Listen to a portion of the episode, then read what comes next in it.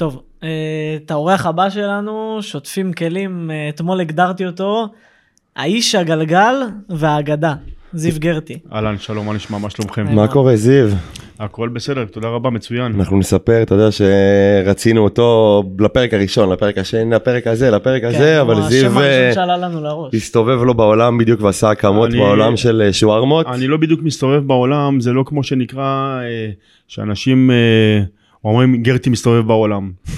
אנחנו פשוט מאוד קצת רוצים להביא את אחיך הישראלי קצת לבחוץ. איפה עכשיו היית נגיד? מאיפה עכשיו חזרת? אני עכשיו חזרתי בדיוק לפני שבוע, חזרתי ממדריד, וואלה. ששם באמת אה, כאילו אין אפילו מקום אחד של שווארמה אחת נורמלית של... אה, יש- אז עשינו שם ובאמת כאילו מהשבוע הראשון אתה רואה תורים הרגשתי כאילו נמצא בסמטאות של, אה, של הכרמל וממש כאילו. מטורף שאתה מביא, אתה גם מביא ממש את הפרודוקטים שלך, את כל הדברים כאילו, אתה דואג לא, שיהיה... אנחנו, תראה, בדרך כלל כשאנחנו עובדים בחו"ל, אי אפשר להסתמך על הפרודוקטים בארץ, מבחינת גם... אבל אה, הפיסטוקים. הפיסטוקים מגיעים, לא משנה, פיסטוקים מגיעים מכל העולם, ובכל העולם יש פיסטוקים, אפשר להסתדר. אם זה איראני, אם זה אוזבקי, אם זה טורקי, בכל מקום בעולם בסופו של דבר הסחורה מגיעה. כן. הכי קשה, הכי קשה זה להביא סחורה לארץ. המשרד הבריאות פה וה... וכל התהליכים שעוברים פה זה מאוד מאוד, אה, מאוד מאוד משמעותי. אז בשביל זה מה שאנחנו עושים, אנחנו פשוט מאוד עובדים עם חומר גלם מקומי בחו"ל. כי אנחנו רוצים שיהיה אבא ואמא למוצר. אי אפשר להסתמך על דברים שאתה מביא אותם מבחוץ. מחר מחרתיים פתאום יש מלחמה, כמו שעכשיו. אה, יש אה, סגר, יש פתאום חוסר. כן. אז עדיין אנחנו משתמשים בחומר גלם מקומי. גם פיתות וכל הדברים האלה אתה מצליח למצוא שם ב... פיתות, פיתות זה בעיה בחו"ל, כי אני אגיד לך משהו, כי פיתות זה מזג האוויר משתנה, אני פותח גם מאפיות בחו"ל של פיתות. וואלה. כן. אני גם עושה את התהליך הזה של מאפייה של פיתה במקום, אבל עושים את זה במידה ויש כמה מקומות, שזה שווה באמת להפעיל את זה. כי היום לפתוח מאפייה זה בסביבות אה, בין 80 ל-100 אלף יורו. וואלה. עכשיו בשביל בן אדם שיפתח אה, בשביל פיתות 100 אלף יורו, אז או שהוא צריך גם לייצא פיתות לסופרים. או משהו שהוא יוכל, להפוך אותו למוצר מדף. להפוך אותו למדף וגם לכלכלי. אז, אה, אז בינתיים כרגע יש פיתות שמגיעות מהארץ במחסנים לכל העולם. וואלה. מארצות הברית, קולורדו, דנבר, מיאמי? אה, זה מגיע, כן, זה? כמו שעובדים כולם, שאף אחד לא יספר לך שהם עובד עם פיתה טריה, כולם עובדים היום פיתה מהודר, כי זה הכי נכון. כי היום כשאתה עובד עם פיתה טריה, ואתה אין לך היום אה, שום שם מושג, כאילו כמה פיתה ילך לך היום, אז פה לא הולך לך הרבה פיתה לפח. כבלאי, אז הבן אדם זורק לך פיתות לתנור, כמה זה שהוא צריך. המסעדנות, אתה עכשיו. בוא תשמע, עכשיו נגיד סתם, אני עכשיו מן הסתם מוכר 400 פיתות ביום, הזמנתי 500 סתם, אני פתאום יכול לזרוק 100 לפח, או ש-100 הוא צריך לטגן אותם בסוף ולעשות אותם פיתה עם זאטר לשווארמה, כן, כן, זה מה כן, שקורה. כן, כן, כן. אז פה שהוא לוקח פיתה ויש לו פיתה קפואה, אמנם יש לו מחסן של הקפאה, אבל זה עדיין זה חוסך לו את הכסף הזה. אתה- חושב שאתה מגיע לאותם טעמים, כאילו זה מגיע לאותם טעמים שאתה... בוא אני אסביר לך משהו. הפיתה בכרמל זה הפיתה שאני אוכל במדריד? בוא אני אסביר לך משהו ואתה צריך להבין. יש לי מקומות בחו"ל, ורוב המקומות בחו"ל שאני מביא את רמה, לא רמה שלי ספציפית, לרמה יותר גבוהה של מדינת ישראל. וואלה. אני, אני אסביר לך משהו. אני כולם חבר של כולם, ואני אוהב את כולם, ואני אוהב את כל המסעדנות, ואני מכבד את כולם, ואני מאחל לכולם רק שיהיה להם פרנסה טובה. על זה אנחנו נדבר, אתה יודע. כן, זה- בשווים, אבל אני, אבל אני יכול להגיד לך משהו. שם אני עובד עם בשר טרי משחיטה טריה. המחיר שאני מקבל היום בחו"ל על בשר טרי, כן, זה מה שהמחיר שהיום הם משלמים פה על בשר קפוא. וואלה. ופה הם מקבלים את זה כשיפוט מוכן ממפעל, שם אני יכול להרכיב בעצמי. זה כלכלתי, אתה יודע אם, בדיוק אם הגעתי. למצב, אם הגעתי למצב שהיום הרב שוחט בשבילי פרות ושוחט בשבילי כבשים, אני אמרתי מה נשאר פה? רק ללכת למרעה ולתת להם לאכול. מסכים איתך, farm to table, כן, אבל. אחי, גרטי. תמיד אבל בסוף אתה רואה אה, מלא אנשים שמנסים לעשות פיין דיינינג ולהגיד שהם עושים הכל מאפס, טה טה טה טה טה, בסוף אתה מגלה שמאחורי הקלעים זה לא נכון. ובן אדם שעושה שווארמה, שזה כאילו, אתה יודע, בקטגוריה של סטריט פוד, בקטגוריה של זה, בא ואומר לך, הדבר היחידי שאני לא עושה, זה להאכיל את הכבשים ואת הפרות. כל התהליך בדרך, גם אין לי בעיה להכין גם את הכבשים ואת הפרות. אני יודע, זה מה שאני אומר. גם לקחת עם הפעמון לצלצל איתם. זה מה שאני אומר. אבל אני אגיד לך משהו, זה לא רק שווארמה. יש פה שפה. יש כל מקום, כל מקום בעולם, יש משהו שצריך לדבר לשפה. נכון? לשפה האמריקאית, יש גם כל מיני מקומות באמריקה שזה לא תופס גם. אתה צריך להביא את זה. וכשאני נמצא באזור הזה, אני יודע בדיוק לאן זה הולך. כמובן שזה גם תלוי בכמות של העובדים, העובדים כמה השכר שלהם, לפי זה אנחנו יודעים לבנות את אתה הכל. בונה את הכל בעצם. הוא בונה את הכל, זה חוץ מלשפץ את המקום. אני מקבל. כשאני מגיע לחו"ל, אני נוחת, אני מקבל מקום מוכן, אני מגיע רק למוצר. אנחנו כבר מפה... אתה קולינריה בעצם, אתה אה, לא קשור לעיצוב של אה, המקום. לא, אני- הוא- הוא הוא מתייעץ איתך, הוא אבל. מתייעץ, ברור, אני מקבל, אני מקבל המיילים, הכל, אני מקבל את השרטוט של המקום, אני מקבל הכל. אז מה שקורה פה, אני מגיע סך הכל המוצר, אין לי מה להיות עם הבן אדם שלושה חודשים, לחכות שהוא ישים שם אה, בלטה או קרמיקה או שיסיים את הצינור. כמה שנים אתה כבר עושה את זה, את ההקמות? אני, תשמע, אני כבר ב- בענף עצמו מגיל 15. אני מגיל 15 יצאתי לענף המסעדנות. אני כבר בענף של ה- כל הייעוצים ומעבר לזה כבר מעל 13 וחצי 14 שנה. וואלה, כמה כן. כאילו מקומות, בוא נגיד, אתה יודע, לא אה, עכשיו ב... אה, כן, לא, לא, אני אומר, אני לא... זה, אבל עשיתי הרבה מקומות, הרבה מקומות, אני כבר לא סופר. אני כבר... אה, אבל למרות, למרות זה, כל מקום שאני עושה זה כמו בשבילי, כמו תינוק שנולד. אתה מתרגש כל פעם. אני. מתרגש כי אני, אני אוהב לראות את ההצלחה, ואין מקום בעולם שעשיתי, ואני יכול להגיד לך שהוא סגר את הדלת. תשמע, שכולם עובדים וכולם מתפרנסים. אתה יודע, אתה בדיוק הדוגמה הקלאסית, אנחנו פה בעצם, אתה יודע למה אנחנו פה בכלל, מה זה, מה הקונספט שלנו בתור שוטפים כלים? מה... מה אנחנו בעצם, אני ושחר, טוענים שהיום בערך לכל בן אדם יש את החלום להיות שותף בתחום המסעדנות באיזושהי צורה. נכון. אה, ובעצם מה שאנחנו אומרים זה שאין לזה לא בית ספר, לא תואר, לא שום מקום. איך אתה לומד את הדבר הזה, אתה צריך ללכת בוא, לעבוד. בוא נסביר לך משהו, זה, סליחה שאני קוטע אותך. ברור, דבר. אני אסביר לך משהו, איך זה עובד. יש פה עניין של לב ונשמה. אם אתה לא חי ונושם מסעדנות, זה לא קורה. אז אני זה שנייה, לא משנה כמה אתה תלמד, ב, תלך תלמד במכללת השף, מכללת זה, זה לא משנה. אז תן לי עוד שנייה ואתה תגיד את כל החידוד הזה, אני אגיד לך למה, כי אני בדיוק רוצה להכניס אותך לתוך המסגרת הזאת ולתת לך בדיוק להסביר את זה. אוקיי, המטרה שלנו בעצם פה היא להביא מסעדנים, אתה יודע, שבאים ועושים את הדברים בצורה נכונה. מהמם. שבאים גם לדבר מטעויות שלהם, מדברים, אתה יודע, בסוף אם אתה לא מקיס דם, אתה לא יכול לייצר לאנשים. נכון, נכון. ואם אתה לא מצליח גם אחרי שהקסת דם, אתה יודע, אני תמיד אומר שהקושי הכי גדול, אתה יודע, כמו השיחה שהייתה לנו עכשיו בחוץ, מהמם. זה על לפתוח אחרי שסגרת. מהמם. זה על לעשות את הצעד השני, זה לא כן, לעשות את זה- הצעד זה הראשון. לעשות את ה... כן. זה להוכיח גם שאתה מכור לעולם הזה שלנו. מהמם. ובסוף כל הפואנטה זה שאני רוצה, בוא נגיד בתור, אתה יודע, התחלה כזה, שלוש דברים שהם מבחינתך המאסט, כאילו שחייב לדעת אותם, לפני שיוצאים לדרך בעולם הזה. אז קודם כל ככה, קודם כל, דבר הכי חשוב, הכי חשוב זה לנשום ולאהוב את זה. דבר שני, אם אין לך ניסיון של שנים, וזה לא משנה אם תהיה עכשיו אתה תראה לי ממכללת השף שעשית תואר חמש, ולחתוך מלפפון ולחתוך עגבניה, זה לא מעניין. וזה לא משנה אם יש לאבא חצי מיליון שקל. זה לא משנה אם גם יש לו 10 מיליארד שקל, כי הוא יכול לקחת לו את זה בשנייה. ברגע שזה, זה ב- ב- ב- בקליק זה נהיה. אני ואתה יודעים את זה, אתה יודע, מה שלא לא. יודעים שההפסד במסעדנות, אתה יודע, הוא כזה ירידה מהירה, זה תשמע. תשמע, אני אסביר לך משהו, אני מכיר הרבה מקומות, והרבה אנשים במדינה הזאת יודעים את זה, שלמלות מקום זה לא מספיק. צריך לדעת להרוויח מזה כסף. צריך לדעת להרוויח מזה כסף. ואם אתה לא מסעדן בנשמה, אם אתה... תשמע, אני לא אשקר. אני עבדתי אצל דוקטור שקשוקה 13 שנה. יש כאלה יגידו לך אוכל טעים, לא טעים.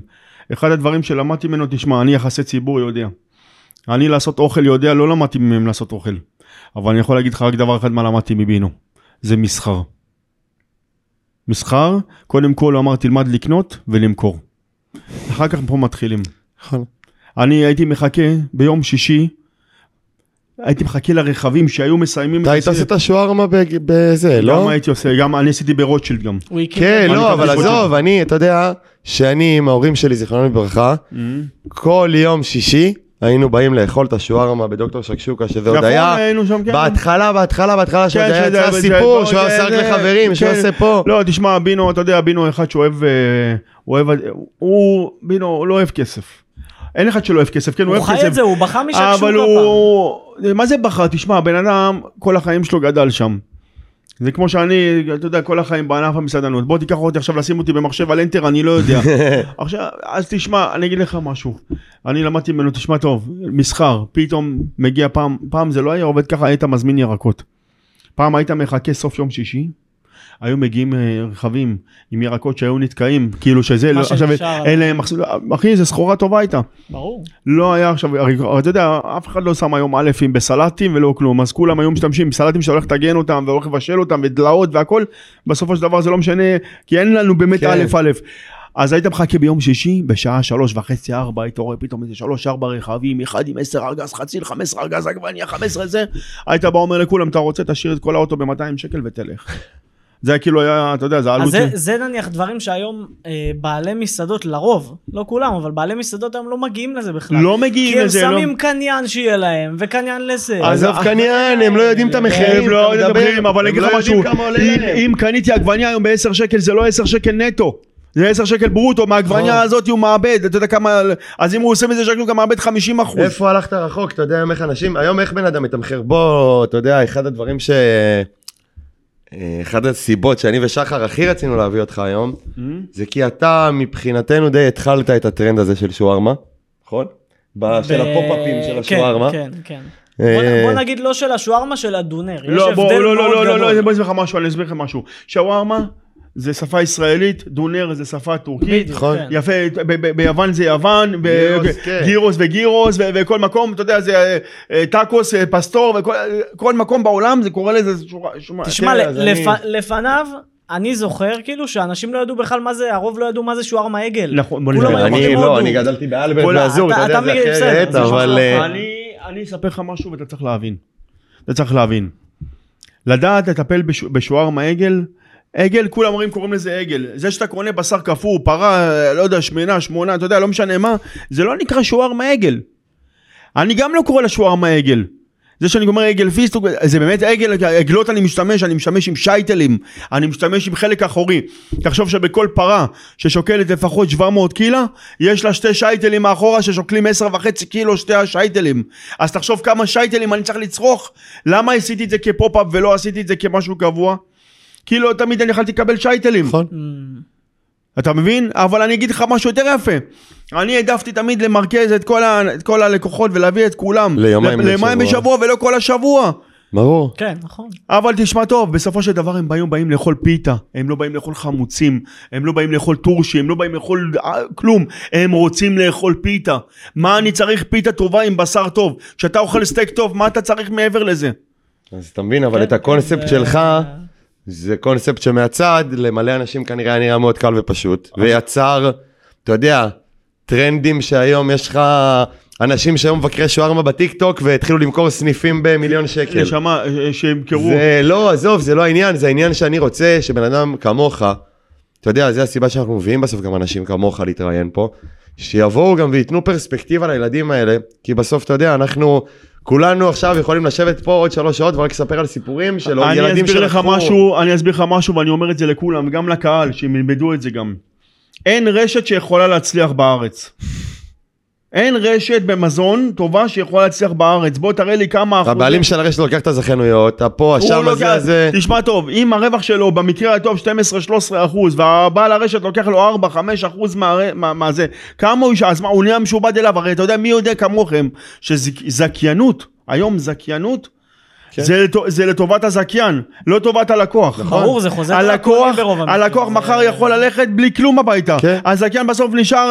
עזוב, גם הבעלים של הרשת יכול מחר למכור את הרשת למי שהוא רוצה, אתה לא יודע מי אבא והאמא שיהיה לך. למה הנה ב- בנדורה, נכון, אני אתן לך לא דוגמה, מה אני אתן לך. דוגמה, היה בנדורה, יש את בורגרים, כן, בנדורה נכון. בא מכר לכולם זיכיונות 800-900 אלף, בסוף אין מוצר ולא מה, כלום. סוסו? אה? סוס אנד צ'אנס. גם קרסו. זה לא מה, משנה, לא היה, כל אתה יודע- מוצר ש... תשמע, כל מוצר... פטריות בגשם היה כל פחות מסוס מוצר. שמגיע ממפעל, כל מוצר שמגיע ממפעל שאין לו אבא ואימא למוצר, שזה לא המפעל של הבעל הרשת, שהוא יודע להגיד לו נתונים, כמה הוא ירוויח בסוף החודש. ארומה, אה? היחידי שעושים את זה בארץ כמו שצריך, אתה נכון, יודע, אני אני- גדלתי בארומה, כן. אני אומר עד היום שהסיסטם של ארומה זה הדבר הכי קרוב שיש למקדונלדס. נכון. גם הם יודעים- סודוך לדעתי, לא בכמות הסניפים, אבל גם העבודה של סודוך מבחינת המוצר, מבחינת עוד פעם, הסדר. בשביל זה, גם... אה, בשביל אבל זה- בסודוך לא היה זכיינויות, סודוך זה הר- היה לא, הרבה זה מאוד הבעלים- שנים, זה היה הרבה מאוד שנים, יכול- רק הבעלים הביא את הבן הבעלים- דוד שלו, הבעלים, הבעלים ורק אם ה- אם העובד, מה, עובד שם כבר 7-8 לא עובד, רק משפחה, רק בני דוד, או רק- משפחה, רק משפחה. או משפחה, אבל גם אני מכיר כמה, שאתה יודע, בגלל שהם נתנו את התחת שלהם הרבה זמן, הם נתנו להם כמה, כמה אחוזים, 2 אחוז, כן. שיהיה לו טוב במצפון כן, ושהוא כן, יברח כן, כן, מהמקום. כן, כן. אה, לעשות רשת היום בארץ מאוד מאוד מסובך, במיוחד שהחומרי גלם לא יציבים, והנה עכשיו כמו שאנחנו יודעים יש לנו עלייה של 30 אחוז בחומרי גלם בשר ועוף, אז אני רוצה להודות, אחר כך את כולם מתמודדים. תראו, אני יכול לעשות רשת מחר, מחר אני יכול לעשות רשת. אתה מחר לדעתי יכול בבוקר לפרסם פוסט, שאתה מוכר איזה חנויות, לדעתי עד סוף היום הוא סוגר 20 15. סניפים כן, לפחות. אני, 15, 20 לפחות. סיבות. אני לא צריך. תקשיב טוב, אני לא צריך מקום, אני יכול להגיד לך משהו שהיום אני היום יכול לפתוח מפעל שלי ולייצר לכולם פסיכים, ואני יכול להגיד לך שפנו אליי האנשים הכי חזקים בארץ לעשות את זה, ולא הלכתי, אתה יודע למה? כי אני לא רוצה למכור אשליה. זה מדהים בעיניי. זה למה אתה עושה את זה מאהבה ולא אני- אני מכלכלי. לא- בדיוק מה שאמרתי פה לפני שתי פרקים, על למה לא מכרתי את אני- השם שלי. של הבר, כי לא רציתי למכור אשליה לילדים בני 21. אני לא מוכר אשליה, זה שאתה רואה את כולם. רצים, מתנערים, חבר'ה, כרגע אין, אין מספר מדויק לכמה הבן אדם עכשיו עושה מעכשיו עד שנה וכמה הרווח שלו, אף אחד לא יודע, כי כל מקום זה מחזור. הוא מחזור שולי, אחד יכול לעשות חצי מיליון ואחד יכול להגיד לך למה, אתה יודע, הרי איך אנשים עושים רשת, הוא הולך איתו לבנק, זיו, לו, בא לי לפתוח לך בית ספר למסעדנות, שתדע, נשבע לך, אתה לא יודע, אתה מדבר פה, אתה לא יודע כמה לא, אני זה רואה, לא אתה לא, זה- עזוב לא יודעים, עזוב לא יודעים, האינטרס, אתה יודע, אתמול דיברנו פה על החוסר אינטרס של המדינה, ללמד את החבר'ה הצעירים במדינה מה זה מס הכנסה, מע"מ, אתה, כי עדיף להם שהם ישלמו את הריביות על הקנסות וככה המדינה עושה יותר כסף. אותו דבר, אין שום אינטרס למסעדנים הגדולים במדינת ישראל, לבוא באמת, אתה יודע, היום יש בית ספר למסעדנות של הירזנים בשנקר. זה במקום שבן אדם ילך יעבוד אצלם ויגדל, הוא גם משלם להם כסף, הוא בסוף ילך נכון. יעבוד אצלם מנהל מסעדה, נכון. והוא לא באמת, לא באמת מלמדים אותו להיות עצמאי, מלמדים אותו להיות מנהל טוב של מסעדה. והוא אומר דברים שעצמאים חדשים שרוצים להיות צריכים לשמוע כמה זה קשה, כמה זה לא קל, ואין שום אינטרס אני- לבעלים של אה, זכיינות או בעלים של רשת אני, לבוא ולהגיד את הדברים אני שהוא רוצה אומר. להגיד לך משהו, היום בא שף, אוקיי? שף עם שם טוב, אתה יודע, יכול, אתה יודע, בעל פאסון וזה, הוא בא עם לו עכשיו, אה, עכשיו בא לו משקיע, אומר לו, אני רוצה עכשיו פה, אני צריך מטבח לפחות של חמש מיליון שקל. תגיד לי, אני רוצה לשאול אותך שאלה. אותו שף שאומר, אני רוצה מטבח של חמש מיליון שקל, הוא חשב מתי הוא מוציא את הכסף, את ההשקעה של המסעדה? לא, לא, לא אכפת לו בכלל? הוא לא מגיע לזה. אתה יודע מה הוא חשב? אבל אתה יודע גם מה מצד שני המשקיע חשב? המשקיע אמר הנה יש לי פה בן אדם שאני יכול לנעול אותו, להיות ה... סליחה על הצורת ביטוי, הקוף שלי, הכושי שלי, העבד שלי, כן. שיבוא עכשיו ויחזיר לי, גם הוא לא חושב על זה, וגם הוא לא חושב על זה. נכון. כל אחד חושב שהוא דופק את השני. השף בטוח שהוא עושה את העסקה הכי טובה של החיים שלו, והמסעדן בטוח, לא מסעדן, אתה יודע, גם לרוב, בוא, לא, זה איש עסקים, איש זה לא עסקים, מסעדה. תקשיב, אבל אני אגיד לך משהו. הוא בא, מבטיח לו, חמש מיליון, אנחנו נמכור ארוחה ב-400, אנחנו נמלא את המסעדה ב-300 איש כל יום, ערב ובוקר, נעשה שתי משמרות, אנחנו מוציאים את המסעדה תוך שלוש שנים. מי מבטיח לך? הוא גם לא אומר את זה. הוא גם לא יגיד, הוא לא יודע לחשב בכלל שהם יוציאו את המסעדה תוך שלוש שנים, אחי. למה השף פעם, אתה יודע, רוב השפים בארץ לא עבדו בחיים בפלור. ואז הם הולכים, פותחים מסעדה, חושבים הם יודעים לתת שירות, חושבים הם יודעים לדבר, ואיך שהם מתנהגים בגועל נפש בתוך המטבח, הם לא יכולים להתנהג ככה בחוץ. ואז אתה רואה מלא שפים שפותחים מסעדות, ונופלים, מה זה מהר? כי יש להם יחסי אנוש, והם לא יודעים, אתה יודע למה? אני קודם התחלתי איתך, למה התחלנו על הייעוץ ועל כל הדברים האלה? כי אתה יודע מי בן אדם חכם במסעדנות? בן אדם שמביא, הוא רוצה לפתוח שווארמה, הוא לא מבין בשווארמה, הוא מבין שצריך, הוא איש עסקים, הוא מבין את הצורך שברחוב הזה, פינת הרחוב הזה, צריך שווארמה. נכון. אז הוא מתקשר למיסטר שווארמה, ואומר לו, אחי, בוא תפתח לי פה שווארמה, אני לא ואתה מתערב. יודע מה? לא מעניין אותי מה ואתה- הולך פה. ואתה יודע- זה להיות איש עסקים, זה לא להיות... ואתה יודע כמה חיקויים זולים יש גם? ואתה יודע כמה בטוחים יש, מקומות, יש מקומות שאני רואה אותם כבר בתמונות, כן? שאני רואה אותם, זה חיקוי זול. מה זה חיקוי זול? שהבן אדם שהוא עשה לו את ההקמה של השווארמה, ומה שהוא עשה לו שם, הוא הלך לסבך לו את החיים. ברור, כי מי שלא יודע... עכשיו הלקוח יודע עכשיו זה הולך להיות הכי טוב, אבל הוא לא יודע שהכיס שלו הולך להתרוקן תוך שנה. חיקוי זול שהם מוכרים אותו כיקר. למה מישהו שפותח איש עסקים כזה שמשקיע, אם הוא לא יודע אה, מה זה בלאי, אם הוא לא יודע את כל הדברים האלה, אתה יודע, אפשר למכור לו חלומות. ב- אני בדיוק, אה, השבוע עשיתי רעיון עבודה למישהו שאני רוצה שיבוא להיות מנהל אצלי במקום החדש. ורק אמרתי לו כמה זה קשה, ואמרתי לו, תשמע, אתה עכשיו צריך, אתה רוצה לבוא להיות פה, שלוש שנים ראשונות שתדע זה 250 שעות לעבוד בחודש. וטה טה טה טה ואז הוא אומר לי, אבל למה כאילו הורדת לי את כל האוויר? אמרתי לו, לא הורדתי לך את האוויר. אמרתי לך את האמת, חיים שלי. זה האמת. אתה רוצה לבוא? יש לך את הג'וק הזה? באהבה, בוא. יהיה לך כיף גם. או שגם אם אחרי שהורדת, זה כאילו כמו מבחן כזה, שגם אם אחרי שהורדת לו את האוויר והבאת אותו לקיצון, אם הוא עדיין באמת רוצה להיות שם, מגיע לו להיות שם. כן. אם הוא ישמע את החרא ולא ירצה להיות שם, הוא לא תשמע, שווה אני- זה. מה שאני אומר, שאתה מאוד אומר את האמת. אתה אומר, תכלס, אני, אחי. אתה רוצה לשמוע משהו יותר יפה? שאתה. לא מבין. עכשיו אני בא רוצה לפתוח מקום בארצות הברית, עכשיו בא בא אליי לקוח, אומר לי, שמע גרצי, אני מחפש מקום. אוקיי. אני אומר לבן אדם, תשמע טוב, אם אתה תמצא מקום מוכן, אוקיי. רק עם מקצה שיפורים, קצת קל, פוליטורה ולרחוב על הרישיון עסק שלו, אתה גדול מהחיים. אומר לי, למה? אמרתי לו, לך תיקח מקום מאפס, לך תיקח מקום שהוא מוכן, תראה כמה זה יעלה לך, כמה זה יעלה לך. הלך, עשה סקר, אתה שומע? לקח נגיד סתם 1,500 square feet, שזה בערך 130 מטר. מקום מוכן, שבן אדם רוצה לצאת ממנו, תן לו 150 100 אלף דולר, תעיף אותו. לעשות מקום מ-0, 800, 850 אלף דולר. הוא אומר לי, זה מה יש לגור אמרתי לו, וזה לא כולל ההתקנה, זה לא כולל הייעוד שלי. אין ביול. אני בא אומר לו, אל תתעסק עם זה, קח מקום, תעשה לו קצת צבע, קצת פוליטורה, שים שלוש אה, מקסיקנים, טיק טיק טיק טק טק את העניין, מקסימום לשבור את החלון. תביא אותי יועץ, רק אני אסביר לך מה המוצר וזהו. עכשיו תשמע טוב, אני אגיד לך משהו. בחו"ל, במקומות של פאסט פוד, אל תעשה יותר משלוש מוצרים. שהתרחבת ל-4-5, עוד, אז תחשוב שעל כל, על כל מוצר אתה צריך עוד עובד. לא, זה גם משהו שמאוד ישראלים אוהבים, את כל השפע הזה תשמע, של בר סלטים ענק אני עכשיו עשיתי והדברים מקום האלה. בספרד, תשמע טוב, לא להאמין. טחינה, טחינה אמבה, בצל פטרוזילה סומק, עגבניה חריף. אתמול הם מכרו 400, צריך יותר מזה? אתמול הם מכרו 400 פיתה. מדהים, במקום, מדהים. במקום של 70 מטר עם ארבעה עובדים. 70 מטר, 4 עובדים, 400 מדהים. פיל. כן, וקופה, ואתה יודע, ב- ב- במדריד, כולם, ב- בברצלונה כולם חייבים בירה. אז תמיד בירה הולך עם שווארמה. 20 יורו, בירה עם פיתה. וואו. לא רוצה כלום, אחי. ומשם זה התפתח לרשת. אבל זה רשת ששווה לה- למכור לאנשים, אתה מוכר זה להם משהו רשת שהוא שאתה עובד. תעשה כסף. בדיוק, זה רשת שאתה תעשה כסף. בדיוק. זה לא פה בארץ שהזכיין... פה בארץ כסף. אני לא אומר לך, אני, אני אומר על רשתות לא לעשות, כן? אבל אם בן אדם באופן אישי רוצה לעשות בפרטי שלו, זה לא משנה עם שם.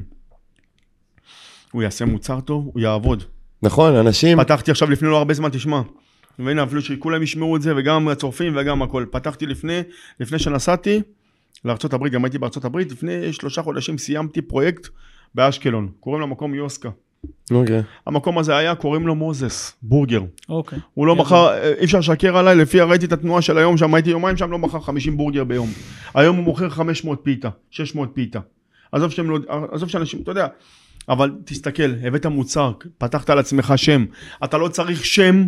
ובאשקלון, לא בתל אביב עכשיו, או באיזה prime location. אשקלון זה לא מדינה כמו, שהייתי כן, קורא כן. לה איזה מקום, כי אשקלון תשמע טוב, אם לא ייקחו על פיתה עשר סוגי צלחות סלטים זה לא שווה בשבילם.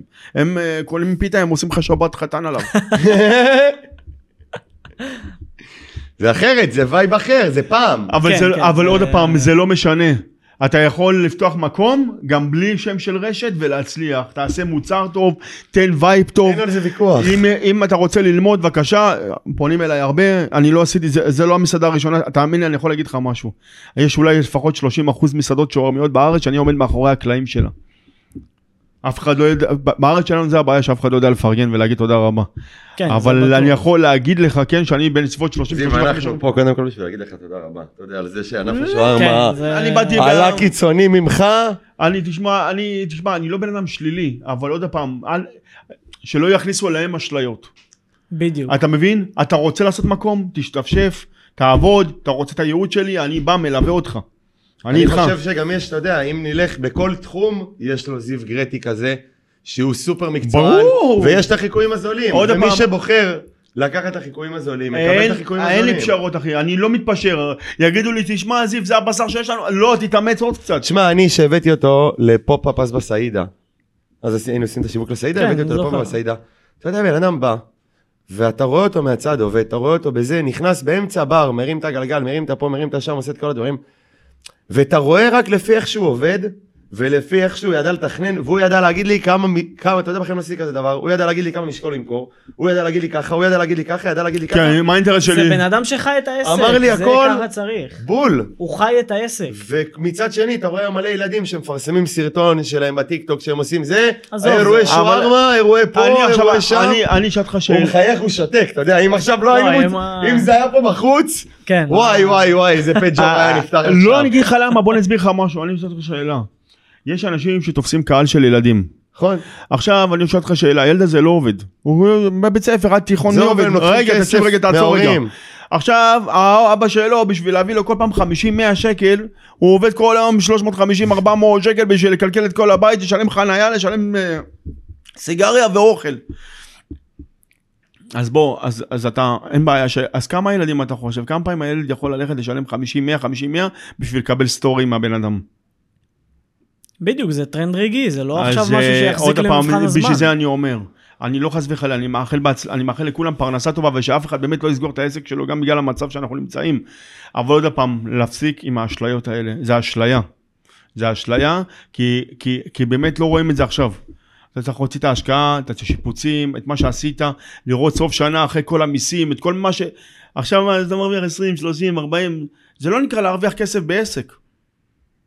לא, זה גם אשליה. עזוב, כי- גם שנה ראשונה מלא אנשים בטוחים שהם, אתה יודע, שהם מרוויחים, כי הם לא יודעים לתכנן את המס בסוף. עסק בהקמה לא. זה ארבע שנים, שלוש כן. שנים. אחרי ארבע שנים דבר איתי אם העסק לא, לא, עובד או לא עובד. הוא אומר אשליה, אני מאוד מבין למה הוא מתכוון, כי הרי איפה אתה רואה אותם מצליחים? אתה רואה אותם בטיקטוק, אתה רואה אותם באינסטגרם, עכשיו מה הם מראים לך? הם מראים לך את התור, הם מראים לך שנגמר להם שלוש גלגלים ביום. אבל אם הם יבואו אחרי שנתיים ויפסידו כסף, הם לא יראו לך את זה. עזוב, זה לא רק זה, זה כמו שזיו אומר לך, זה לא. משנה בכלל, זה מה שאתה אומר, נכון, הלמעלה והלמטה, בואו ניתן את המונחים למי שלא זה, הלמעלה זה מה מוכרים, הלמטה זה מה נשאר בכיס. וכמו שזיו אמר, זה לא מספיק שבלמעלה הכל מלא ומכרת ותתת את זה, השאלה, אתה יודע, אנחנו, אה, אני מכיר איזה מקום, היה עושה מיליון שקל מחזור בחודש, מפסיד 100 אלף שקל. אז מה זה משנה? ואנשים היו רואים, אתה יודע, וואו, מקום הבן- מלא. עזוב, הבן לא אדם היה עושה. 9 מ-10 משלוחים בוולט. הבן אדם היה עושה זה, הבן אדם היה עושה זה, הבן אדם היה עושה זה, בסוף אתה כבר לא מרוויח. 30 אחוז. אחי, כן. בוא נסביר לך משהו, אנשים רואים שכירות, אומרים 40 אלף? מה זה 40 אלף? אני עושה כל יום 30 אלף, אני מוציא אני מוציא את הכל. עכשיו אחי, אתה לא רואה את זה ככה. שווארמה, אני תמיד אומר לאנשים, תמצא עסק עד 15 אלף, 10 אלף. תודה רבה. השער, תשאיר את השער של 40 אלף לעוד שתי עובדים בעסק. לא לחפש להגדיל את החובות בעסק. היום אתה שם ארבע עובדים, חמי... שמת היום, חמ... הרי תשמע טוב, אני תמיד עושה כלכלה כזאת, אין דבר כזה פוד קוסט, אין דבר כזה לבל קוסט.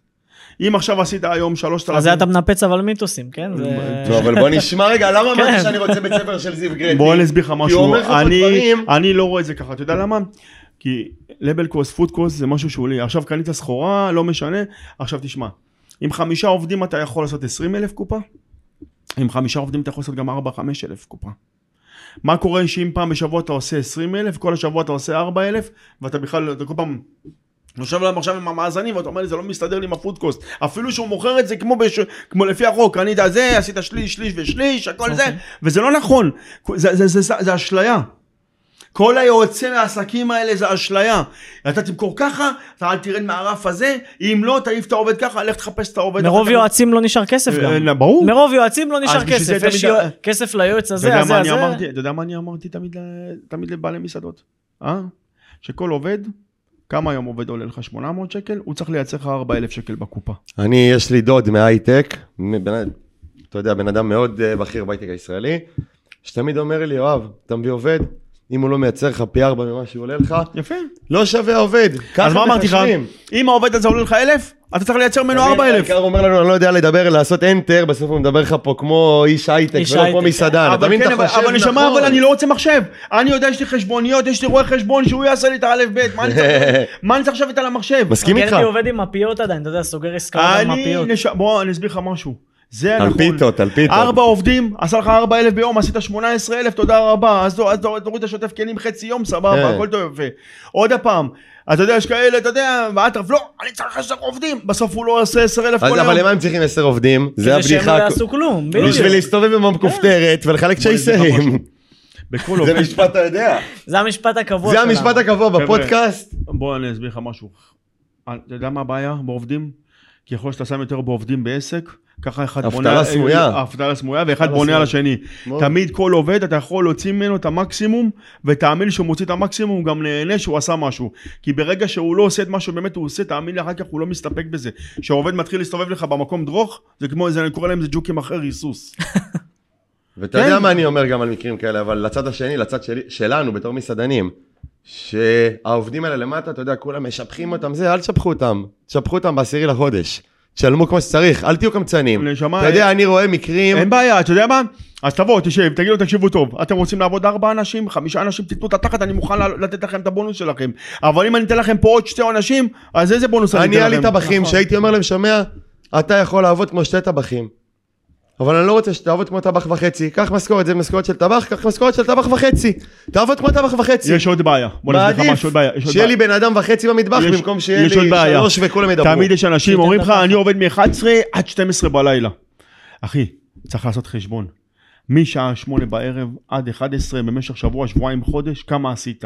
אם עשית משהו שלא שווה, סגור בתשע, תעשה משמרת אחת, תוריד את התריס, תלך הביתה, לך תהיה עם האישה והילדים. אנשים. כמה אנשים, כמה אנשים נשואים אתה מכיר, כן, שיש להם מסעדה, והם וגרושים בגלל שהם עובדים כל היום מהבוקר עד הלילה. עזוב, אני בן- עזוב. ובסוף, ובסוף אתה רואה את אשתו הולכת עם סקודה אוקטביה. עזוב, אני מדבר עליך בתור ילד שעוד לא התחתן, שעוד לא פה. אתה יודע, קשה מאוד להחזיק במערכת יחסים ולהפוך אותה למשהו רציני בעולם הזה, כי, אתה יודע, אתה בבית כלא. אני תמיד אומר זיו שהעולם הזה זה בית כלא. אם אתה פותח עסק, עזוב אה, יועץ, עזוב אה, לא זה. משנה, כל עסק זה אם- כלא. אם אתה פותח, לא, אבל במסעדנות, מסעדנות זה במיוחד, כן, 24-7. כן. זה לא משנה, העסק קיים, כל רגע נתון. אנשים לא רואים את זה פתאום, מקרר התקלקל, זה התקלקל, זה פתאום... מה אתה יודע, זיו, אתה יודע מה זה בחמש בבוקר יום שישי, שאתה מסטול באמצע מסיבה, מתקשרים אליך, שנשרף החשמל, ואין חשמל כל הזה, ואתה עכשיו צריך לצאת בחמש בבוקר, שיכור עולם, למצוא חשמלאי שיבוא בין שישי לשבת, ויסדר לך את זה, כי אם לא כל הסחורה, כל הבצקים שלך, הכל הולך לפח, ואין לך איך לעבוד עכשיו גם שלושה ימים. זה כאילו, אתה יודע, אתה מקבל כף על הפנים, פתאום אתה נהיה סאחי, לא משנה מה שתית, לא משנה מה עשית, בסוף אתה כאילו בכל רגע נתון מקבל את הזריקת סאחיות הזאת ומתעורר. קודם כל, הבעיה של העובדים שלנו, כל זה כמובן התחיל מהקורונה. כן. אני אגיד לך למה. הרבה עובדים, הרבה מסעדות, לא יכולים לשלם, לא יכולים לשלם את המשכורת בתלוש מלא. אז הרבה היום משלמים ככה, לא משלמים להם פנסיות, מעכבים להם את הפנסיה, מעכבים להם הרבה דברים. אז מה קורה? שהם יצאו לחל"ת, מה קיבלו? 5,000 שקל, שחררו אותם הביתה. היום, אין, אתה יודע, אף אחד באמת לא משלם להם. כן. לא להם, מעכבים להם את הפנסיה, עוד שלושה חודשים, עוד חצי שנה, אני לא יכול לשלם לך את זה בתלוש מלא, בוא תעשה ברוטו, בסוף הוא הולך הביתה חצי. כולנו מכירים את הקומבינות. זה. מצחיק אבל, כי קודם כל תדאג בתור בעל עסק לעובד, העובד זה, זה הכוח שלך. אין לא... לך עובד, העסק לא נשמה, עובד. בוא אני אסביר לך לפני משהו. מוצר טוב, לפני זה, ברור. אני לא ראיתי הרבה בלבטים במסעדנות, אתה שומע? שהשקיעו על מסעדון והם נמצאים שם והם עובדים, הם בעצמם. אתה יודע למה? כי הם עצלנים. זה מה שאנחנו מדברים עליו. אתה יודע, אתה זה יודע, זה בדיוק השוטפים. כלים. זיו, אתה יודע למה קוראים לפודקאסט? אני התחלתי בגיל 13 בתור שוטף כלים, ואני תמיד אומר, אתה יודע, כל בן אדם שהיה אצלי מנהל, כל בן אדם שפה, כל בן אדם שעברתי, אתה צריך לעבור בעסק את כל התחנות. כל עסק חדש היום שאתה פותח, תפתח עכשיו עסק, ולא אחי, תעבוד משמרת נכ- שוטף כלים, השוטף כלים אני ילך נכנס- הביתה. אני נכנס לעסק, אני נכנס לעסק, אני יודע אם יש נחש אנקונדה למטה בביוף. בול. אבל זה בדיוק המקצוענות, זה למה. אתה מצליח. אני לא אוכל רק. אני לא רק אוכל, אני רואה, אני רואה את המטבח, אני רואה את העובדים, אני רואה מי שיש לו הליכה של מצ'יטה, אני רואה איפה שיש בעיה. ואני פותר בעיות. עכשיו אני רואה, עוד פעם, אתה צריך לראות את העסק, אתה צריך אבל להיות אתה מול... איש מקצוע. וסליחה אין רגע. בתחום שלנו מספיק אנשי מקצוע. אתה יודע סליחה, כמה- משהו עליך גם, אני חייב להגיד, מה שאמרת שאתה מזהה ויודע ופה ושם. אחד הסיבות שהוא גם סגר בשוק הכרמל, זה כי הוא זיהה יא, מה הולך לקרות, בול. כי עד היום שהוא סגר היה לו תור, שאני ראיתי, היה לו תור מטורף, הוא היה מוכר. הוא היה מוכר 700 פיתות ביום, אני בוא, אמרתי לו אתמול על? התור, שפעם ראשונה אני והוא נפגשתי, זה היה שהתור שלו חסם איזה שלוש בסטות לידו, חמסה. הוא יצא, אתה יודע, כולם יודעים את זה, טפו טפו. טפו. לא, באמת, אנשים הרימו. גבה על הסגירה שלך אבל נשמע, ש- אבל זה לא משהו שבא מאיזה, הם ידעו למה הם באים. תשמע טוב, אני בקורונה, שכולם ישבו בבית ופיצחו גרעינים, מה גרטי עשה? פופ-אפים. לא, איך? פופ-אפים? לא, עשיתי פופ-אפ כאילו. עשית פופ-אפים, עשיתי פופ-אפ, לא, בקורונה עשיתי. אבל כשהיה סגר, מה עשיתי? אנשים לא יצאו מהבית. אנשים אוקיי. לא היה מה לאכול. הייתי לוקח מכשיר קטן, היה לי מכשירים עד 10 קילו, עד היום נמצא איתם זה כאילו. רואים בבית? לא, עושים סדנאות. וואלה. אה, עד שמונה מגניב. עשרה אנשים באים, עושים את זה כולל ארוחת ערב, ואני הייתי ככה, ככה, בין- מסתובב בין ארבע, אה, כמו, אתה רואה אותי עם ה private נוסע בשקט שלא זה, עם מכשיר שווארמה, אה, ורשום עליו לפני תיקון, שלא ינתזו אותך או משהו, ובסוף אתה הולך, אחי, לפרנס את הבית. אני לא אחד שיושב בבית רגל על רגל, ואני אומר להוא, לך תעשה בשבילו. ובוכה, זה בוא מה שהרבה בוא עשו, ישבו בוא ובכו שהמסעדה שלהם סגורה. אני אספר לכם משהו. אף אחד לא מכירים את הדברים שלי מאחורי הקלעים. אני מגיל 14 בתחום הזה, עבדתי וקרעתי את התחת שלי בשביל להגיע למה שאני נמצא היום. אני מאחורי הקלעים של הרבה מסעדות, זה לא רק ההקמות. היה לי קו של הרכבות, אני הייתי מרכיב להם את השווארמה באמצע הלילה לבעלי השווארמיות, בשביל שהם יבואו בבוקר ויהיה להם את השקט הנפשי, כי הם לא יודעים לפרוס ולהרכיב אפילו. מטורף. היה לי 4-5 מקומות, היה סרטונים אפילו, הייתי מעלה לייבים, איך הייתי פורס ומרכיב עוד רגל, טק טק טק טק, הייתי התעוררתי ב- ב- בלילה, אשתי אומרת לאן אתה הולך? אני הולך לעבוד, היא יודעת שאני סופר אחראי, צריך להביא פרנסה הביתה, יש ילדים, צריך מטרנה, צריך סימילק. אחי, אני הייתי הולך, רץ ועושה פריסה והרכבה להרבה אנשים. ופתאום יודע, אנשים אומרים, איזה שיר יפה, איזה כיף לנו. בעל הבית אומר, "אה, גם הבעל הבית, מה- מה בעל הבית העבודה שלו? זה לבוא באחד בצהריים, לצלם את התור. ולהגיד איזה שוערמה קטלנית יש לי. בוא נעביר. אבל לאנשים, אני לא חושב שכולם יודעים מה מה ההבדל.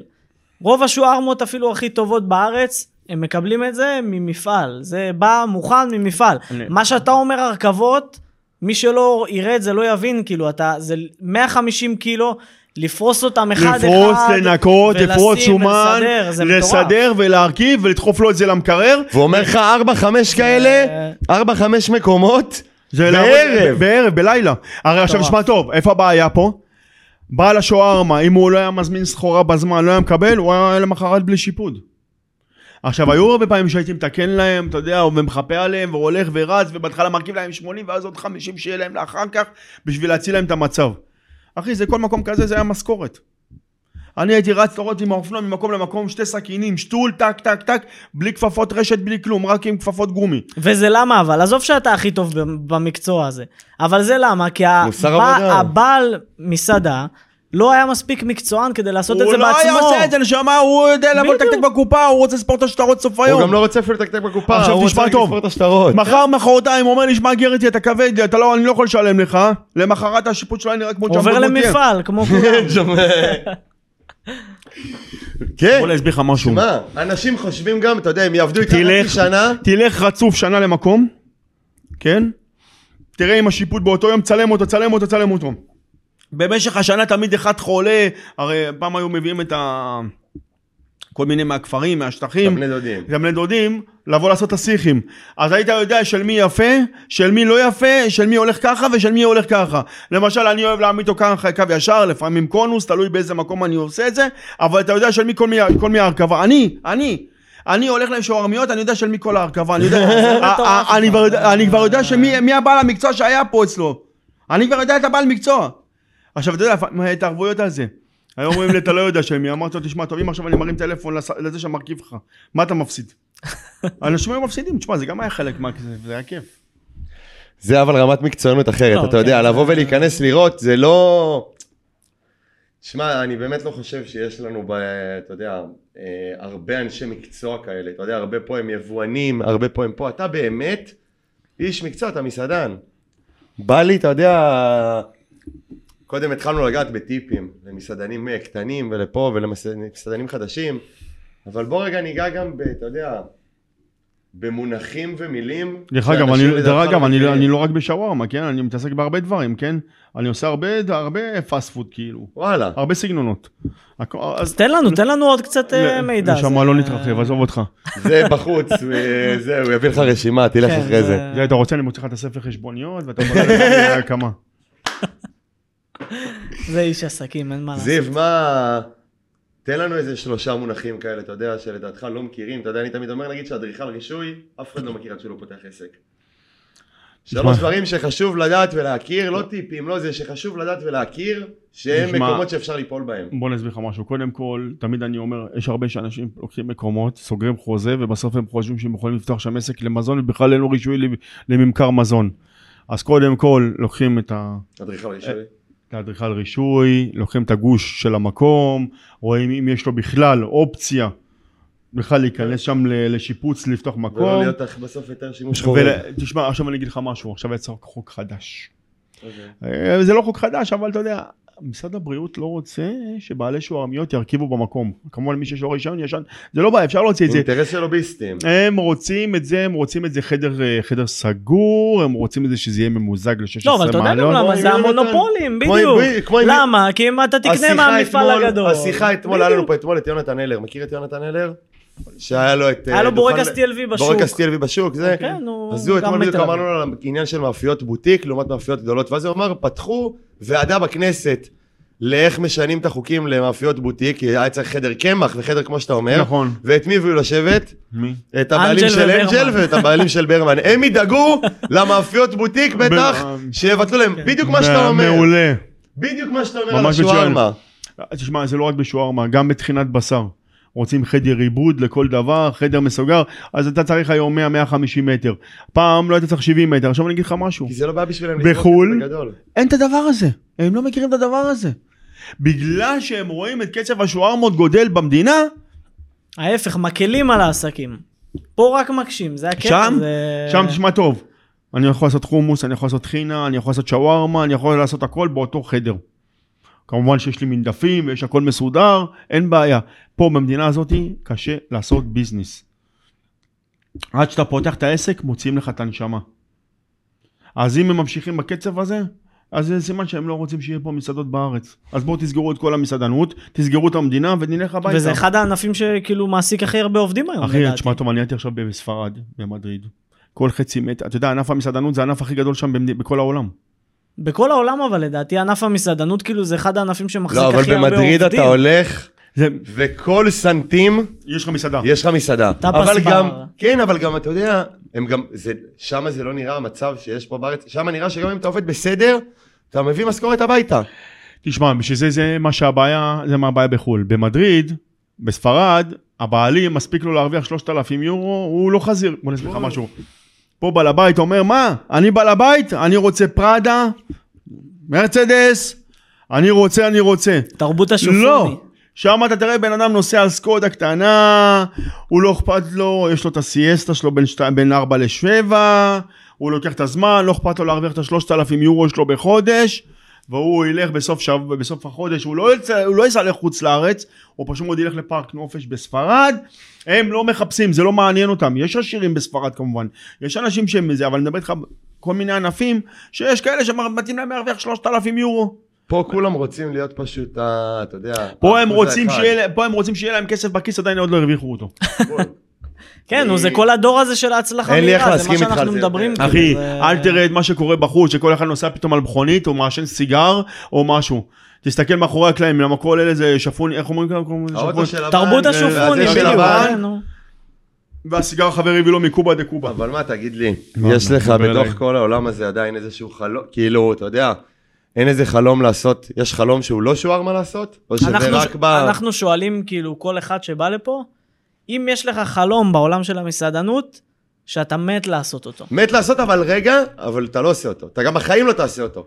אתה מבין את הכוונה שלי? כן, אבל לא, אני אסביר לך משהו. איזה עסק בתחום שלנו היית אני- רוצה ולא תעשה. אה, אה, אז עוד פעם, הנה, למשל מסעדה משלי אני לא רוצה. כי אני אגיד לך משהו, אחי, אני די, כבר שבע. אני לא שאני שבע, אני אוהב את זה, אבל אני, אתה יודע, להיות בשבילי, להיות במקום מהבוקר עד הלילה. זה נקרא שיבוד, אחי, אני כבר... בית כלא. קשה לנו עם המשפט הזה, אבל שלא נאכל עוד שווארמה שלו, זה... אני לא נצטרך לנסוע למדריד. לא. בשביל זה תמיד אני עושה פופ-אפים. הוא יביא לנו את הרשימה של איפה הוא עושה את הגלגל, איפה הוא מרכיב את הגלגל. אני אגיד לך את. האמת, אתה לא מבין, אני נהנה לעשות הקמות ולראות אנשים מצליחים. תשמע, אין לי בעיה לעשות עכשיו, אני אעשה בסוף איזה משהו כזה, כן? אני בסוף מתכוון לברוח, ל- ל- לעשות משהו בחו"ל, לעשות לי רשת. שתתנהל עם עצמה כמובן, אה, מוצר אחד או שתיים, מפעל מגיע, מוריד לו את הסחורה, באים שלושה עובדים, תודה רבה, כמה מקומות כאלה, תודה אתה רבה. מבין זאת- אבל שבן אדם כזה מקצוען, צריך מה- לברוח לא, מה מהארץ. המדינה עושה? אתה צריך לברוח מהארץ כדי לעשות מה שאתה טוב בו. אני יכול לספר לך משהו? ברמה אחי? כזאת. כן. אני יכול לספר לך משהו, אם אתה תדע כמה מיסים אני משלם, אתה שומע? על פעמיים בשבוע שהייתי בכרמל, אתה תתפוס את הראש שלך, אתה אומר לי, תשמע זיו, בבורסה ביהלומים לא משלמים ככה. תשמע טוב, זה לא ייאמן. הם זה לא- הבעיה, המדינה לא, מרוויחה לא, מפה. לא, לא נתנו לי להרוויח, אחי, לקחו לי 50 אחוז. מטורף. כן, זה מה ש-. אשתי אומרת לי, אתה עובד, עובד, איפה כל הכסף? אתם חושבים, כולם חושבים, אני הולך עם מטורף. רולקס עם זה, תראה, מה אני הולך, מגלח את הידיים שלי עם שעווה. לא, אני רק אומר, כאילו, אין, אי אפשר להרוויח כסף במדינה. לא נותנים לך, עוצרים אותך, חד אני משמעית. זה מסכים איתך. כולנו בעלי עסקים, אני בכלל כולנו רציתי, מבינים. אני כאילו, השנה זה- שסגרתי את הכל, אני הזה שלי היה לעבור לתאילנד, אתה יודע, ללכת, לקחת לעצמי איזה בית מלון, לעשות לעצמי מסעדה קטנה למטה, לחיות, כמו שאמרת, הוא עם הסקודה, לקחת מלון עשר חדרים, יש לי למטה מסעדה, וזהו, חי מזה, עושה לעצמי חדר. ואתה יודע, ושלום על ישראל, למה אני צריך פה לריב? כמו שאתה אומר, 50 אחוז, אנשים לא מבינים מה זה סוף חודש, לשלם 50 אחוז כן, ממה כן. שהרווחת, ואני לא מדבר איתך בכלל, אתה יודע, אני לא מדבר איתך על אה, אם איבדת פתאום חשבונית, אם פתאום, אתה יודע, אנשים לא מבינים מה זה. עוד פעם, אני אומר, יש לי, אתה רווק, כן, הוא רווק, אני בסופו של דבר יש לי להאכיל ילדים בבית, נכון? כן, ברוך השם אשתי עובדת, כן, אנחנו מתפרנסים בכבוד והכל, אבל בסופו של דבר יש לך אחריות. וזה לא משנה מתי, ואם אני צריך גם ללכת להפוך פחי זבל בלילה, עושים את זה בשביל להביא. פרנסה הביתה. ברור. לא צריך להתבייש מהעבודה. אף אחד לא מתבייש מהעבודה, להפך. לא, לא, אז היום, אני בא היום ומדבר- כן הרבה מתביישים מעבודה, זה הבעיה. שהדור הצעיר כן מתבייש, הוא כן מתבייש להגיד יש לי מסעדה, ואני אם צריך אשטוף בכלים. זה לא לכבוד שלו, זה הבעיה שלהם. אנשים הם רק רוצים... זה הבעיה. כן, מה נעשה? אחי, היום, רוצים היום לחגוג. שוטף כלים מרוויח יותר מטבח. אבל הם לא ירצו לעבוד בזה, אתה יודע, אז בזמנו... אבל אתה יודע שאפילו שוטפים ועובדי כלים? וטבחים לא רוצים היום כבר לעבוד את הכמות שעות הזאת מהמיסים המטורפים שנהיה פה. אתמול נפלתי לשיחה עם איזה חבר טבח, הוא אומר לי, אף שמה לא שווה לי לעבוד יותר משרה מלאה. לא שווה לי, אני עובד דקה יותר ממשרה מלאה, אני משלם. מס של החיים, זה יוצא אותו דבר. הוא אומר לי, אני עובד 250 שעות בחודש, או 190 שעות בחודש, בסוף אני מקבל אותו כסף. אתה יודע, לפני כמה שנים, לא יודע אם אתם זוכרים, לגבי שוטפי כלים, אמרו לחיים כהן, באו אליו בטענות, למה אתה מעסיק עובדים זרים? הוא אמר, אז בזמנו זה היה המון, אני מוכן לשלם לכל ישראלי שבא לעבוד אצלי, שוטף כלים, 15. 100, 100 שקל לשעה. 100 שקל לשעה, אחד לא בא. 15,000. אחד לא בא. אחד 100 לא בא. שקל לשעה, אתה יודע מה זה 100 שקל לשעה? אה, אתה יודע מה? בוא נסביר אף לך אחד לא משהו. בא. אז אני הייתי, תשמע טוב, במסעדה שמאכילה, הייתה מאכילה 1,500 ו-1,700 איש בשוק הפשפשים, בתקופה שלא היה מסעדה אחת. כן, אם היה צריך להיכנס לכלים, היינו נכנסים לכלים וגם עושים מחבטות. מה זה אם? זה לא היה אם בכלל, זה היה מה אה, צריך אה, לעשות, עושים. אני אספר לך משהו, אחי, אתה לא תדע את זה. בחו"ל, עובדים שם הכל. אם הוא צריך להביא... אחד אומר, אני רק פורס מרכיב, אחד רק עושה סטייקים. הוא עושה גם סלט, גם דלפק, גם שוטף כלים, גם לקטע אסלה, גם מכניס את היד לחולדה גם צריך. אני, זה מה היה לי בצד. זה החלום שלנו, אחי, אבל. אני בצד. אבל אתה זה מה שהרגילו אותם פה. נכון, בדיוק. אבל זה הבעיה, כי גם הבוס למעלה רוצה, הם, הבוס למעלה מגדל אותם להיות עצלנים בדיוק כמוהו, הוא. יושב על הספה. זה הדוגמה שלהם. כן. וזה הדוגמה שלהם גם מהטיקטוק, בגלל זה שהם אני אומר רואים... לך שאני מת לעשות לו, אתה יודע, לעשות לזיו, סדרת סרטונים של אה, טיפים ואמירות למסעדן אתה יודע גם המתחיל. איפה הבעיה. פתאום עכשיו הבעל הבית עושה איזה סטייק טוב, אתה שומע? אומר איזה נתח קיבלתי, בואו תטעמו כולם. מאז פתאום עכשיו יצא חלאויה, מה שיוצא, טועמים כולם. טועמים כולם. עכשיו אתה יודע, סטייק היום, מיושן, עולה 200 שקל לבעל המסעדה, 180, 200 שקל. חתיכה של 300 גרם, כמה עולה? כן, 60. יפה, אין פעם ביום לפחות שאין פתאום אחד, אומר, יאללה תשרוף טיפה את הסטייק, תוציא אותו, ננשנש אותו אנחנו. כן. אתה חושב שאנחנו לא בגלל זה מכירים? לא מוכרים את הדברים עם בלאי כזה. אתה מבין עכשיו למה יש מלא קומבינות?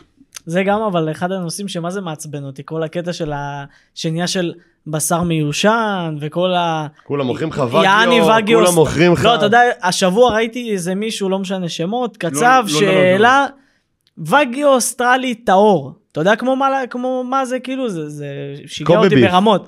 לא, וגיו אוסטרלי לא, טהור. אין, מה- וגיו אוסטרליה זה לא וגיו אמיתי. מה לא, הקשר לא, בין. אוסטרליה לטהור? וגיו יפני זה טהור. וגיו יפני, Kobe beef, זה אה, נכון, זה טהור. זה טהור. בסדר. וגיו, וגיו אוסטרלי זה לא וגיו טהור. נכון. ברור. וגיו אוסטרלי זה וגיו אוסטרלי, וגיו יפני זה וגיו יפני. תעזוב אותך מכל הווגיואים ומכל השטויות. יש לך פה אחלה סטייקים, יש לך פה אחלה מרעה, אתה יכול לאכול פה אחלה דברים, אתה יודע. השוארמה וגיו שעשו. עזוב, זה היה, זה- אתה יודע. זה כבר באמת... שמע, לא, לא, לא, לא, לא, בוא נסביר לך משהו, אני לא נכנס לזה. תשמע, בוא נסביר לך משהו. זה לא מושפע. בשווארמה זה לא מושפע. זה לא רק לא מושפע, זה הורס, אני- הכמות שומן שיש לך בתחתית של הפיתה. אני אלמד אתכם משהו. לא, בשוער, אבל כל הקטע של וגיו, מה הקטע בו? שיש בו המון, לא שומן מסיבי, שומן בפנים. נשמה, אבל זה לא מעניין, בוא נסביר לך בדיוק. משהו, זה לא מעניין, אני אגיד לך למה. כי ברגע ששוארמה מסתובבת, אתה שומע, ולא מכרת ממנה, היא מתייבשת, זה לא משנה כמה שומן יהיה לה. שומן יהיה לה. זה לא משנה, אני בכל מקרה, גם שיש בבשר שומן, אני מחדיר לו עוד 35 אחוז. אבל אני אספר לך משהו יותר יפה. אם הבשר כל כך טוב, לא צריך הרבה טיבול בשביל שהוא יהיה טעים. אנשים פה למה שמים טונה של טיבול בשר? למה שמים טונה? לפצות על הבשר. אתה לא היית שם כמעט כלום, דרך לא, אגב. כלום, אחי, הייתי נותן לך רק לאכול. יודע, זה היה מרגיש כמו סטייק ממש לאכול את זה, זה היה... צ'אנקים. אתה כן. יודע, יש לי נקודה אחת שבא לי לגעת איתך רגע לפני שנעשה את הקטע סיום שלנו.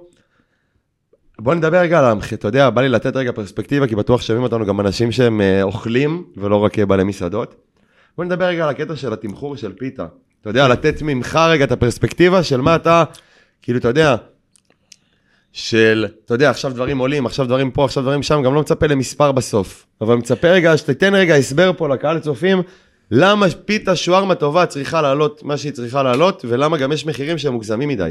בוא אני אסביר לך משהו. קודם כל, אה, אני חושב שפיתה לא צריכה לעבור את ה-45-50 שקלים, כי זה בסופו של דבר זה פאסט פוד. נכון. כשאנחנו מתחילים כבר להגיע לפיתה ל-70, 80, 100, זה כבר כל אחד מנסה להתייפייף ומנסה לעשות לך איזה פיתה בוטיק. אל תעשה אווזים, אל תעשה כבשים, אל תעשה כלום. תעשה משהו שיהיה נוח לאנשים לכיס בסוף. זה מסעדן. זה מסעדן. כי אני אגיד לך משהו, אם אתה יושב בשולחן, אין בעיה, תשים 100 שקל צלחת, 200 שקל צלחת, תאכל מה שאתה רוצה, כבד אווז, תאכל מה שאתה רוצה. פיתה לא צריכה לעבור את ה-45-50 שקלים לפיתה. זה כבר לא נהיה fast food. אתה יודע מה? גם 40 שקל לא צריך לעבור, אבל אין לנו ברירה. אין לנו ברירה, אין לנו. ברירה, החומר גלם עולה. עזוב, בוא, אם היינו מדברים את זה לפני שלוש שנים, לפני הקורונה, היית אומר אני- 40 שקל. אני יכול להגיד לך משהו, לפני 10 שנים, ההודו היה עולה 25 שקל, 23 שקל לקילו. נכון. עזוב אותך לפני 30 שנה שהיה עולה 2 שקל לקילו. עזוב, זה לא... אבל היום הוא כבר מגיע ל-35-40. 35-40, לפני ניקיון שלו. אז אין קשה, אתה מבין? אבל עוד פעם, זה 45-50 שקל לפיתה. שאתה יכול לעשות.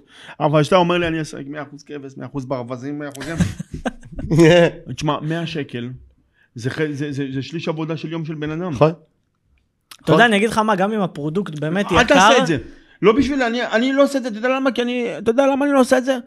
כי אני, מה יגידו לי בסוף? זה שם של יקרן, זה שם של שוחט, אני מעדיף להיות שם נורמלי, לתת את המוצר שלי, ואתה יודע שכולם נהנים וכולם מבסוטים. בדיוק, אבל גם על זה, גם עכשיו, גם אם הוא באמת יקר וזה עולה לך יקר והפיתה מצדיקה 100 שקל. למה להגיע למצב של לקוח, לקוחות, לא לקוח, יבואו אליך ויגידו וואלה, בא לי את הדבר הכי טעים שלו ואני לא יכול לקנות אותו. אתה מבין? אתה יוצר פה סוג של בידול בין הלקוחות, כי אני תן משהו זה אחד. כמו, זה כמו שאתה אומר לי, הילדים הוא עכשיו... עושה אוכל רחוב, הוא לא עושה. פיין, זה מה שהוא אומר לך, תפסיקו. לעשות פיין איפה שאתם עושים אוכל רחוב, אנחנו- תעשו אל- אוכל אל- אל- רחוב. אל תחפשו את הפיתה בוטיק. גם אתה רוצה המבורגר, תפתח לי מסעדה, תגיש לי שוארמה של ברווזים, אווזים, אתה תגיד, אתה אתה עושה לי דוכן שוארמה. המבורגר גם, 60 שקל זה בסדר, עם צ'יפס, קולה, אתה יודע מה הכוונה? 60, 65, עוד פעם, זה אוכל רחוב. אנשים טוב, מוכרים לך ב-100 ואני יכול שקל. להגיד לך משהו יותר יפה, המבורגר לא עולה פחות משווארמה. עכשיו תגיד לי, יש לי שאלה, למה כולם בשווארמה אומרים לך אין סלטייה, אין חמוצים, ובהמבורגר שאתה מקבל אותו בסוף עם חסה ועגבניה בפנים, אומרים לך זה מה המצב פה. אז למה, למה אתה לא יכול לבקש ממנו חמוצים בצד? נכון, זה? התרבות. הוא מביא לך כולה בשר טחון ב-40 שקל קילו, 35, ולפעמים הוא מביא לך את זה בשר מעובד מוכן כבר. אתה מבין? אז כמה עולה לו הלחמניה? 2 שקל? וכמה עולה לו ההמבורגר, כל הקציצה של ה-200 גרם? עוד 5 הטחון היום יותר זול מהשווארמה. ברור יכול להיות, השווארמה. זה מה שאני אומר, אז- כן. אז- אז בשווארמה יש לך פה יותר- יותר אופרציה, הוא רוצה סלטים, הוא רוצה תשים לי עוד בשר, המבורגר רוצה שם לך קציצה, הוא אומר לך תעוף הביתה. כן, מה לא? רק קציצה 200 גרם, הוא אומר לך לך הביתה, מה הוא יגיד לך, תשים לי עוד קציצה, תוסיף לי כסף. נכון. פה בשווארמה, לא, זה בפיתה לא מספיק, שים לי עוד. זה הבעיה, כי לא רושמים, אתה יודע אבל מה העניין? בהמבורגר רשום לך אני מקבל קציצה 200 גרם. אם בשווארמה היו אפשר לעשות פיתות, שרשום לך 150 גרם, 300 גרם, תשמע, את הכוונה יש שלי? כאלה- יש כמה כאלה בארץ שעושים עוד פעם, תשמע. כי אז זה גם הרבה יותר שקוף ללקוח, אתה יודע, פה משהו. אני מבחינתי, פעם אחת העובד שלך ישים לי קצת, פעם אחת העובד שלך ישים לי הרבה, עזוב אה. אתה. אז יפה, אז בוא נסביר לך משהו. אפשר לעשות כזה דבר ואין בעיה לעשות עם זה אפילו. לגבש דעה, להביא את כל בעלי השוערמיות לסטודיו, לשבת איתם, להגיד חברים, בגלל כל המצב הזה, ככה שאחד מדבר על השני ככה, בואו כעם אחד נאחה את הכל ביחד, וכולם עובדים עם משקל, וכולם עושים מחיר אחיד, כן? ועושים את זה כמו שצריך, מסודר, ואז ככה אף אחד לא יתלונן, ואז אני רוצה לראות לקוח אחד שיתלונן. אני גם בצד הלקוח וגם בצד על העסק, אני לא ב- לא בצד אחד של הלקוח רק. אני, אתה הכי פחות אינטרס, אין לך גם, בעיה, אין לך גם מקום. בעל העסק צריך להרוויח נכון, אז בואו, אתם רוצים בו, תגבשו דעה, תביאו את כל, כל הבעלי העסקים של השווארמיות, להגיד, זהו, בפה אחד, 130 גרם, 130 גרם בפיתה, 180 גרם בלאפה, 180 גרם לאפה שקול. ברגע שכולם יהיו משקולים, אף אחד לא ידבר פתאום לאף אחד על בואו, זה. אינטרס שלכם, זה אינטרס של הבעלי שווארמות, כן, זה מה נכון. שאנשים לא מבינים. בוא אני אסביר לך משהו, אני לא נמצא היום לא בכל הקבוצות, לא כולם חסמו אותי. נכון. אתה יודע למה חסמו אותי? כי הם לא יכולים לראות את אתה האמת. טוב מדי, לא, כי הם לא יכולים לראות את אתה האמת. טוב מדי. הם לא יכולים, הוא צודק, כי הוא אומר את זה, אתה יודע, כל אחד פותח המקום. אני לא חי על הקבוצות ב-70 האלה. אם אתה תראה בקבוצות מה הולך, מה הולך בקבוצות, הוא לא שם לי צ'יפס, הוא לא שם לי אותה, את מי זה מעניין? אתה בא לאכול פיתה, אתה לא בא לאכול אה, פיתה עם צ'יפס. אז כל הקבוצות האלה, אחי, זה רק, אתה יודע, זה רק הורס לבעלי עסקים, זה רק גרגרת. נכון. מה זה אומר? שאם בעל עסק פתאום יוצא מהקבוצה שם. כי גם אה, בעל העסק- הוא- הוא- הוא- כאילו הוא חי מהקבוצה. אבל עזוב, אתה גם יודע בעל העסק מה, לא אני עוד יודע. מהכרמל, עוד שאני התחלתי לפני פתחתי את הכרמל, יצאתי מכל הקבוצות האלה, נחסמתי משם בגלל הבכי של הזה. תשמע טוב, גם בלי הקבוצות אחי, וזה אומר שגם בלי הקבוצות, המשכתי לעבוד רגיל. הדבר היחידי שזה אומר זה שיש לך מוצר טוב, אתה עובד, ושיש לך מוצר חרא, אתה יכול לבכות, ואני אגיד לך על זה משהו, אחת הבעיות הכי גדולות של כל המסעדנים האלה שפותחים לי ניסיון, זה שכל דעה מהרחוב, אתה יודע, אני היה לי מקום של המבורגרים, הייתי שם איקס משקל בקציצה, היה לי טוסט בורגר, קונספט שלי. יום אחד אני בא, אני רואה את המנות, נראות לי טיפה מוזר. אני אומר לעובד, שותף שלי, פעיל במקום. לא עובד, שותף פעיל במקום. אני אומר לו, תגיד, אחי, מה, מה, מה, מה נראה שונה? אומר לי, לא, עברו פה קודם איזה קבוצה, אמרו שההמבורגר היה טיפה יותר גדול, הם היו מורידים 10 גרם מההמבורגר, זה יישב יותר טוב בפנים. תגיד לי מישהו אמר לך, אז הורדתי מהכל 10 גרם, כבר בדיעבד גם הוריד אחי, מקציצות. אתה יודע, ליום שלם, הלך נתן לעובד להוריד מהכל 10 גרם, אני בא גם לא שהוא שקל את זה מחדש, הוא השאיר לי את כל ה-10 גרם ככה, אתה יודע, בקופסה, תחלק את זה לפחות, תוציא את זה לעבודה. משהו! אתה מבין? וזה הפואנטה שלי שאנשים לא צריכים להקשיב, אתה יודע, וזה מה שהוא אין אומר לך לך פה. ביטחון במוצר. זה מה שהוא אומר, או שתפתח עם ביטחון במוצר ותדע מה אתה עושה, ואל תקשיב, שום דעה ברחוב, אני זה לא- לא הדעה שצריך, אחי, זה רק הדעה שלך. אני לפעמים אנשים אומרים לי, אה, אתה יודע, עכשיו מתוך, מתוך אלפיים איש שבאים, גרטי, טיפה להעיס לי השווארמה. אני אומר, נשמה, או שצריכה להחליף שיניים, או שצריכה לעשות הששת בשיניים. כי את לא יכול, תשמע טוב, אני לא יכול, תשמע טוב, אני אסביר לך משהו. אם זה היה 50 אחוז מתלוננים אז אתה בבעיה. אבל 1 אחוז, אתה אתה יודע, אתה רוצה- אתה אתה אומר, כולם אומרים, צריך להתייחס ללקוח, הוא תמיד צודק. לא. זה אני משפט מאוד אתה לא יודע נכון. מה הייתי אומר לה? היא הייתה אוכלת לא נהנית, אני אומר לה, קחי את הכסף שלה חזרה. תשחררי אותי, אני בטוח במוצר שלי. את, אולי רגילה לאכול עוף, נכון? היא רגילה לאכול חתוליה. יש אנשים שבשבילם חתוליה זה יותר טוב מאשר לאכול משהו טוב. נכון? יש משפט מאוד יפה שאומר, הלקוח לא יודע מה הוא רוצה. אתה יודע מה מה הלקוח הלקוח רוצה. רוצה. אתה בא למקום, תאכל מה שהם מביאים לך, זה טעים. אז כשאנשים היו באים לכרמל, היו באים? אומרים, אנחנו הולכים לאכול פיתה גרטי. אתה יודע למה? כי הם לא שואלים מה קראו לשים בפנים, תעשה לי פיתה גרטי. פיתה גרטי זה פיתה עם הכל, טחינה, בצל, פטרוזילה. אני הייתי- אוכל אצלו פיתה, אתה בקושי אתה בתשע אוכל, אבא שלך היה-. אבא שלך לא היה שולח. אבא שלך לא היה שולח אותך עם קסם מרוב הקמצנות, עד שלא היית מוכר עשר שקים של סלרי לא היית מגיע. תשע בבוקר הייתי אוכל פיתה שווארמה, אז חברים. אם כבר מדברים על מה אוכלים ומה פה ומה שם, גרטי בוא נעשה איתך את ה... אתה יודע, לא דיברנו פה על בכלל על מקומות, על זה, אבל בואו רגע נדבר גרטי הבן אדם. איפה גרטי הבן אדם? אם עכשיו, אתה יודע, לוקח, רוצה לאכול בחוץ, צהריים, אנחנו איתך אנשים של fast food, אז נדבר כן. על fast food. מה המקום שגרטי הכי אוהב לאכול בו צהריים בחוץ? לא משנה איפה בארץ, לא משנה מה. תשמע, אני אגיד לך משהו, אני... אני קצת בעייתי באוכל. אני עניין של טעם. תשמע, אני אגיד לך מה קורה, היום אתה רואה את כל המצב היום. אני יודע כבר היום מאיפה השווארמה אה, מגיע, מגיע, מאיפה לא, מגיע. עזוב שווארמה. לא משנה, האוכל, תשמע, הוא קשה, אני אגיד לך משהו. אתה לא אוכל בחוץ בכלל? אני אוהב לאכול בחוץ, אבל עוד פעם, יש, יש אוכל שלא כיף לאכול כבר בחוץ היום. הכל מגיע ממפעל, הכל מרוב מגיע שאתה מעובד. מבין כבר, נכון? קשה לך אז- לאכול תשמע, טוב, אני בא במקומות. אומר לפעמים לאשתי, שמעי, מה עכשיו לאכול? כאילו, את רוצה להתבאס? לא, כאילו, זה לא העיקר לאכול. אני מסכים. אתה מבין? אתה יודע מה לפעמים אני מעדיף כאילו, אני בא אומר לאשתי, תשמעי, כל מה שם, זה, זה, לא בשביל זה, בוא נלך לדפוק לנו, נביא לנו איזה שתי סטייקים טובים, נעשה לנו, נפתח לנו את הגריל. אה, אתה הוא כמונו, אין. זה התשובה של גרטי, כן, חברים, זה- זה התשובה של גרטי, זה גם. יהיה התשובה לארוחת ערב, אז לא יפה גם את. השאלה על ארוחת ערב. בוא נסביר לך משהו, אם עולה לך היום, היום אתה יושב עם האישה, עולה לך 150 שקל עכשיו לשבת צהריים, קל. קל, קל. יופי, היום עולה לך קילו סטייק 200 שקל, כן. שמתי ב-110-120 שקל, שמתי שתי חתיכות סטייקים יפים משוישים, אתה שומע? כן. שמתי אותם על הגריל, סבבה, קצת טחינה, עוד קצת... שתי בירות ליד נשאר לך אה, עודף. ועוד שתי בירה, שם, פתחנו קאבה, ישבנו בצהריים וגם שמענו עופר לוי ברקע. סתם אני אומר, לא שומע עופר לוי. רגע, אבל עוד משהו עכשיו. כן, מה, דבר אליי. דייט עם האישה, איפה? אה? דייט עם האישה. לא ד- במ- לא ב- לא בבית, תן לנו מסעדה. אנחנו אה, יושבים באכ"א, וואלה, אצל איתי קומשמרוב, הוא חבר טוב שלי במקרה יום מפתיע. חמישי. מפתיע. תגיד לי, מה אתה חושב? תשמע טוב, בוא נסביר לך משהו. אחי, הרגע אמרת לנו שאתה עושה, שמביאים שאתה, אתה יודע, אני חשבתי שתענה לי אותה תשובה גם על הערב. לא, לא, למה, אחי, בערב אתה חייב ללכת לפעמים. סבבה.